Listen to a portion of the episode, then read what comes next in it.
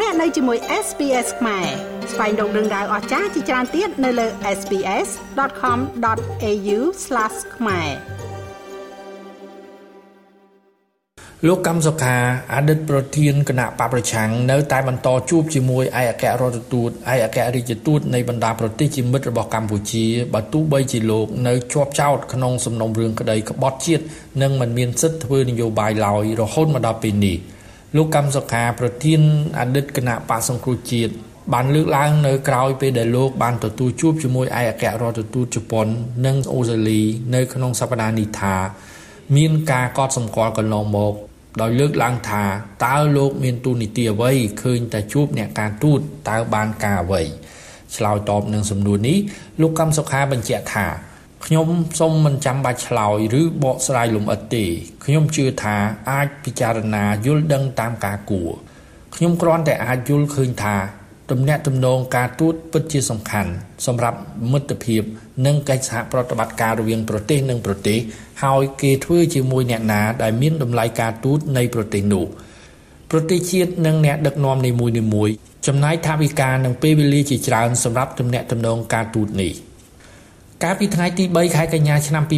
2017លោកកឹមសុខាត្រូវបានចាប់ឃុំខ្លួនទាំងយប់ដោយតុលាការបានចោទប្រកាន់ថាលោកបានខុបខិតជាមួយបរទេសរៀបចំគម្រោងផ្ដួលរំលំរាជរដ្ឋាភិបាលរបស់លោកហ៊ុនសែនក្រោយជាប់ឃុំនៅពន្ធនាគារត្រពាំង plong ជាប់ព្រំដែនវៀតណាមបានមួយឆ្នាំ គឺកាលពីខែកញ្ញាឆ្នាំ2018លោកកឹមសុខា ត្រូវបានដោះលែងពីការឃុំខ្លួននៅក្នុងពន្ធនាគារមកជាការឃុំឃាំងនៅក្នុងផ្ទះរបស់លោកនៅក្នុងរាជធានីភ្នំពេញជំនួសវិញដោយមិនអនុញ្ញាតឲ្យលោកប្រស័យតាក់ទងអ្នកគាំទ្រឬជួបជនបរទេសណាឬក៏ចូលរួមសកម្មភាពនយោបាយអ្វីនោះទេលុះមកដល់ខែវិច្ឆិកាឆ្នាំ2019ចៅក្រមស៊ើបសួរបានសម្រេចបន្តដាក់ឲ្យលោកកឹមសុខាស្ថិតនៅក្រោមការត្រួតពិនិត្យតាមផ្លូវតុលាការដោយត្រូវជាប់កាតព្វកិច្ចចំនួន3 គឺមិនត្រូវចេញក្រៅព្រំដែនកម្ពុជាមិនត្រូវធ្វើសកម្មភាពនយោបាយនិងត្រូវឆ្លើយតបនឹងការកោះហៅពីគ្រប់សមត្ថកិច្ចការសម្រេចរបស់តុលាការចុងក្រោយនេះបានអនុញ្ញាតឲ្យប្រធានគណៈបកប្រឆាំងនៅកម្ពុជាលោកកម្មសុខាអាចជួបជាមួយមន្ត្រីការទូតនានាបានយ៉ាងណាក៏ដោយលោកកម្មសុខាបានសរសេរក្រោយពីជួបអង្គទូតនឹងភ្ញៀវអន្តរជាតិរួមនឹងថ្នាក់ដឹកនាំរដ្ឋាភិបាលផងនៅក្នុងរយៈពេលប្រមាណ3ឆ្នាំមកនេះថា ខ្ញុំមានជំនឿថាតំណាងឬថ្នាក់ដឹកនាំរដ្ឋបរទេសទាំងនោះនិងថ្នាក់ដឹកនាំខ្មែរយើងប្រកាសជាយល់ដឹងនិងស្គាល់នៅចេតនាអកប្បកិរិយានិងសកម្មភាពរបស់ខ្ញុំ ដែលប្រកាន់នៅគោលការណ៍អហិង្សាមិនយកខ្មែរណាជាសត្រូវមិនបង្កប្រទុសរាយដល់សង្គមជាតិឬមនុស្សជាតិជាពិសេសមិនបង្កការឈឺចាប់ដល់ប្រជាពលរដ្ឋខ្មែរនិងមាតុភូមិកម្ពុជាសូម្បីតែការបង្កចំនួនបុគ្គលនិងគ្រួសារក៏ខ្ញុំមិនធ្វើដែរ។